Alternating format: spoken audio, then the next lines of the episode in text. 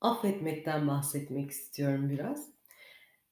Çünkü, affetmekle ilgili üzerimde çok baskı hissettiğim dönemler oldu, çevremdeki insanlar tarafından ve ne zaman affetmeyle ilgili bir mesele olsa insanların birbirine böyle bir baskı yaptığını görüyorum ve dahası, eee, bu baskı, yani önce çevreden bize gelen baskı, daha sonra bizim kendimize yaptığımız bir baskıya dönüşüp, eee, biraz daha yoğun ve sürekli bir hâle geliyor.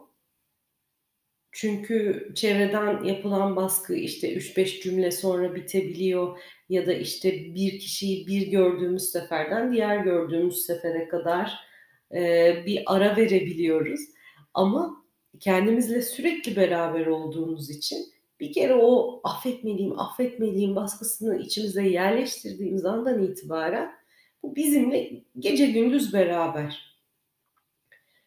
Eee, benim aldığım tavsiyeler hep affetmenin ilgili kişiyle olan olan bağları kesmenin yegâne yolu olduğuna dair oluyor genelde. Eee, söylenenler hep benzer şeyler. İşte, affetmezsen onunla arandaki bağı koparamazsın. Bu yüzden de yeni bir hikâyeye başlayamazsın. Affetmediğin kişiyi hayatında tutmaya devam ettiğin için de yeni birine yer açamazsın. Hayatına birini çağırmak istiyorsan eskisiyle vedalaşman gerekir. Ben de buna bu kadar inanmışım ki, eee, işte, affetme ve bağ kesme meditasyonuna falan katıldığım oldu yani. Emm, tutkulu bir şekilde, eee, biten ilişkinin bitişini onurlandırmak, eee, ve karşımdaki kişiyle aramdaki bağları kesmek için helva kavurup dağıttığım oldu yani. Bu kadar yoğun bir şekilde affetmeliyim, eee, kafasına ben de girdim. Eee, aslında ama, eee, geri bir adım geriye gidip baktığım zaman net bir şekilde görebildiğim şey, bu baskı o bağı daha çok kuvvetlendirmekten başka işe yaramıyor. Zihnimiz bir kişiyle meşgulse ne şekilde meşgul olduğunun pek de önemi yok aslında. Eee, artık hayatımızda olmayan birini nefretle anmak da bir, hasretle anmak da bir. Her ikisinde de devam eden bir kafa meşguliyeti var ve bu meşguliyet bizi gerçek hayattan alıkoyuyor. Asıl yaşayacağımız duyguyu yaşamamıza izin vermiyor ve sürekli affetmeliyim, affetmeliyim buna kanalize oluyoruz. Nefret enerjisiyle hatırladığımızda bunun getirdiği öfkeyle acı çekiyoruz. Sonra acıyı bastırmak için öfkeyi belki başka bir hedefe yönlendiriyoruz. Belki de kendimize yönlendiriyoruz farkına bile varmadan. Hasretle andığımızdaysa üzüntü, keder acısı bizimle. Yani melankolik takılıp neşesizlikten ölüyoruz bu defa da. Eee, her ikisi de hayatı gözlüksüz, lenssiz görmemizi engelliyor. Kendi gözümüzden göremiyoruz hayatı. Her ikisi de bizi geçmişte bir yerlerde tutuyor ve bugünü, eee, o geçmişte tuttuğu yerden inşa ettiriyor. Dolayısıyla inşa ettiğimiz gün temelini geçmişteki hasarlı bir duygudan atılan, eee, bir yapıya dönüştürüyor ve, eee, hiçbir yapı, yani bu şekilde, eee, temelini geçmişten alan hiçbir yapı geleceğe sağlam taşınamıyor. Bu yapıya yeni ilişkiler diyebiliriz, yeni ilgi alanları diyebiliriz, yeni eğilimler diyebiliriz, ne dersek diyelim. Yapılandırdığımız herhangi bir şey temelini geçmişten aldığı zaman ve o aldığı temel bozuksa bugün, eee, sağlam bir şekilde yükselmesi imkânsız. Bugünün değil çünkü eskinin enerjisinden kuruluyor ve eskinin enerjisinden kurulan her neyse özgün bir varlık göstermesi söz konusu olamıyor. Eee, çünkü başka bir şeyle bir bağı var ve bağı olduğu şey hasarlı. Ancak bunun devasının affetmekte yattığını ben zannetmiyorum hiç. Böyle deneyimleyemedim maalesef. İster geçmişte bizi ufak bir tökezletmiş olsun, ister kan kusturmuş, hak ettiği duyguyla bugün onu ağırlamazsak kendimize ihanet etmiş oluruz. O bana çok çektirdi ama ben onu affettim. Böyle bir, eee, olgun, eee, bilge bir cümle kurmak istiyoruz böyle, çok istiyoruz bunu. Eee, ama böyle bir yaklaşım tabii anlıyorum. Imm, hani, içimde kötücül duygular taşımak istemiyorum sahikiyle ortaya çıkıyor.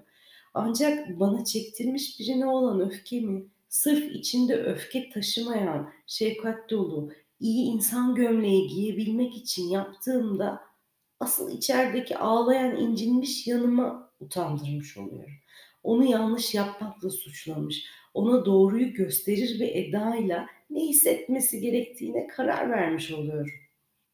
O yanım kendine kızar hâle geliyor. Eee, kin, öfke duyduğu için, eee, ve affetmem gerekirken affedemedim fikri bir yetersizlik, eksiklik, kusurluluk hâli yaratıyor. Yatıştırmamız gerekeni yanlış yoldan gittiğimiz için aslında kanatıyoruz, deşiyoruz oraya sürekli bir çomak sokmuş oluyoruz. İşte bize o ilk affetme zorunluluğu yükünü yükleyen artık arkadaş olur, eş, dost, işte hocamız belki her kimse eee, yaranın üzerine bir yara daha açıyor aslında. Şimdi acıyor diye inlemek en doğal hakkımızken bir de inlemeyi ayıpladık. Yani ay, ah etmeyi ayıpladık. A, olmaz böyle bir şey. Eee, ne oldu? Yara katmerlendi. Bize yapılana, eee, ve yaşatılana duyduğumuz öfke aslında bizim o inleyişimiz, işte ah edişimiz. Çünkü bu böyledir. Ayağını sehpaya çarparsan yani en klasik örnek acır ve ah dersin. Emm, söylenirsin, belki coşarsın, küfredersin. Sonra acı dakikalar içerisinde hafifledikçe sen de sakinleşirsin. Oysa biri senden ayağını tutmuş inlerken gelip de "Sehpayı affet, ona çarpacağını bilemezdi."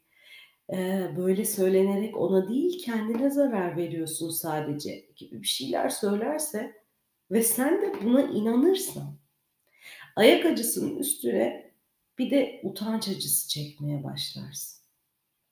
Üstelik, ruhtan ziyade tenden acı kolay geçiyor. Yani, ımm, işte o ayak acısı 5 dakikayı geçiyor ama, ayak acısı çektiğin için kendine verdiğin utancın acısı ruhundan o kadar kolay geçmiyor.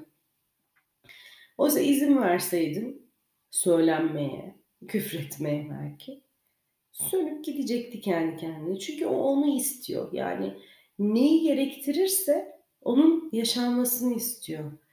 Üzerine gidip acı üstüne acı bindiriyoruz biz ve o da olduğu yerde ağırlaşıyor. Yani aslında kendi varlığını tamamlayıp geçip gitmesine izin vermek yerine olduğu yerde kazık çakmasına neden oluyoruz. Hem içimde bir öfke, hem öfkeli olmaktan duyduğum bir utanç. Bunlarla yol almaya çalışıyorum ama oradan oraya taşımak çok yorucu. Ben, eee, bu öfkenin ve utancın hamalı oluyorum artık. Kendi hayat performansımdan, kendi gücümden gereksiz bir fedakârlık yapıyorum ve geri dönüşü hiç faydalı olmayan bir fedakârlık bu. Yani, eee, çünkü tükendikçe tükenmeye devam ediyor gücüm. Şimdi bu fedakârlığı yapıyorum. Karşılığında aldığım bir ödül olsa, eee, belki benim gücümü yeniden kazanmamı sağlayacak o ödül. Fakat böyle bir şey yok. Emm, ben fedakârlığımı yapıyorum. Yani kendimden veriyorum bu duyguları yaşamak için. E, bu duygular beni daha çok tüketiyor. Sürekli bir tükenme sarmalı içerisindeyim. E, bu yüzden ben affetmesini tavsiyelerine bir yerden sonra isyan ettim. İşte içimdeki o, eee, bilge ses bana dedi ki "Bir dakika ya, ya neden affetmelisin dostum ya?" Çünkü normalde mantıklı ve gerçekçi bir şey öğrendiğim zaman kendiliğinden içselleşiyor bende. Kendi doğal formunda bana ekleniyor. eee, bana dâhil oluyor, benim doğal formuma ekleniyor. Ama bu affetme hikâyesi hiç öyle olmadı. E, farklı farklı insanlardan duyduğum hâlde, hani, değer verdiğim, kafasına inandığım insanlar tarafından onca çaba nefret derecemde bir gıdım alçalma sağlamadı o dönemde. İşte, bağ kesme meditasyonu yaptım falan. O an bir kesmişim gibime geliyor eyvallah ama sonrasında bakıyorum hayat pratiğimde o öyle gerçekleşmemiş. Helva kavurmalar, bilmem neler, yani ne yaparsam yapayım, kendimle nasıl bir sözleşme imzalamaya çalışırsam çalışayım maalesef istediğim gibi olmadı. Eee, artık bu dış sesleri kıstım ben de ve kendime baktım, eee, ve bulduğum cevap sana çok yıkıcı şeyler yaşatıldı ve bu yüzden duyduğun öfke ve nefret son derece haklı bir insan duygusu. Sadece kendine ve başkalarına, eee, çok iyi, çok barışçıl bir insan olduğunu ispatlayabilmek için bu duygudan vazgeçmek zorunda değilsin. Nefret ettiğin zaman kötü bir insan olmuyorsun. Kendinin yanında, arkasında durup gereken tepkiyi vermiş oluyorsun. E, bunları dedikten sonra ne oldu? Bunu kabullendiğim zaman yapması gerekeni yapıp, yani, eee, kabullendiğim öfke, kabullendiğim, eee, kin, yapması gerekeni yapıp görevini tamamlayıp kendiliğinden gidecek olan bir duyguya dönüşüyor. Ben bu duyguyu, eee, sahiplendiğim zaman ondan kurtulmaya çalışmaktan çok daha sakinleştirici bir etki yakalamış oluyorum. Bir gün gelecek, emm, bu nefretim bana diyecek ki ya ben görevimi yaptım, seni ayakta tuttum, sana yapman gerekenleri yaptırdım. Artık yeterince güçlüsün, gidebilirim. Ve güle güle. Belki sessizce fark ettirmeden kendi ayrılacak içimizden. Yerine biz ellerimizle bir şey koymaya çabalamadığımız zamanda yerini öğrenilmiş derslere bırakarak sönüverecek, gidecek. Öfkemizde, nefretimizde bu derece istikrarlı kalmamızın nedeni zaten ona çözüm arayışımız. Sürekli bunu hissetmemenin yollarını ararken bütün dikkatimizi vermiş oluyoruz duyguya. Yani dikkatimiz oradayken onun içinden çıkmak mümkün olmuyor. İşte hep harıl harıl bir çalışma. Nefret etme, etme, affet, affet, öfkelenme, hayır, unut. E, onu hep besliyorsun o zaman. Yani ben her gün yeniden ay benim içimde bir öfke var, ben bunu yok etmeliyim falan dedikçe öfkeye yeniden hayır demiş oluyorum. Selam veriyorum. Selam verdiğim öfke eee, a diyor ya burada bana dikkat eden birisi var yani ben burada iyiyim bak ben bu enerjiden beslenebilirim. Kalmaya devam ediyor tabii. Yani bu kadar iyi ağırlandığı bir yerden kıpırdaması mümkün değil çünkü.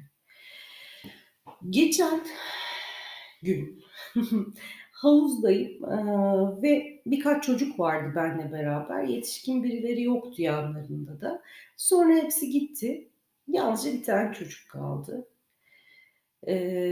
Şimdi çocukların dış görünüşünden yaşlarını da tahmin edemiyorum. Maalesef yani işte, eee, 5 yaşında sandığım çocuk ilkokul 2'ye gidiyor çıkabiliyor bazen. Ama ne olursa olsun bana göre o kadar küçük bir çocuk havuzda tek başına gözetimsiz bir şekilde kalmamalıydı. E, ben de buna müdahale etmek istedim çünkü ben varım sadece. Çocuğun başına bir şey gelse sorumluluğu üzerimde hissedeceğimi düşünüyorum. E, şimdi adını sordum. Eee, işte söyledi, "Su soğuk değil, korkma." falan dedim. Önce bir böyle bir girmeye çalışıyor, çıkmaya çalışıyor, tekrar bir şeyler yapıyor falan. Konuşuyor bu, eee, esnada, cevap veriyor vs. ve öyle, hani, tuta tutuk ve utangaç konuşmuyor. Fakat emm, sonra, işte, "Neden yalnızsın?" işte, "Neden seni burada yalnız bıraktılar?" gibi sorular sormaya başladım. Aslında çocuğu havuzdan çıkmaya yönlendirmek istiyorum.